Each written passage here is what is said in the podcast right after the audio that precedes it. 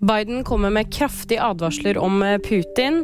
Norsk jubel for marihuana-beslutning. Og Datatilsynet krever svar fra Jehovas vitner. USAs president Joe Biden kommer med kraftige advarsler om atomvåpenbruk fra Russlands president. Han sier ifølge AFP at verden for første gang siden den kalde krigen risikerer dommedag, og at Putin ikke tuller når han snakker om mulig bruk av taktiske atomvåpen fordi forsvaret hans underpresterer. Mange analytikere har diskutert Putins trusler de siste ukene, og om det dreier seg om å skremme Vesten, eller om han faktisk vurderer bruk av atomvåpen.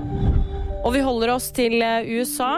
Thousands of people are convicted for marijuana possession who may be denied employment, housing or educational opportunities as a result of that conviction. Det sier USAs president Joe Biden. Biden benåder nå alle som er dømt for besittelse av marihuana i føderale saker. Og norske forkjempere for eh, rusreformen, de jubler. Tidligere MDG-leder Une Bastholm sier bl.a. at USAs president ga oss dagens gladsak.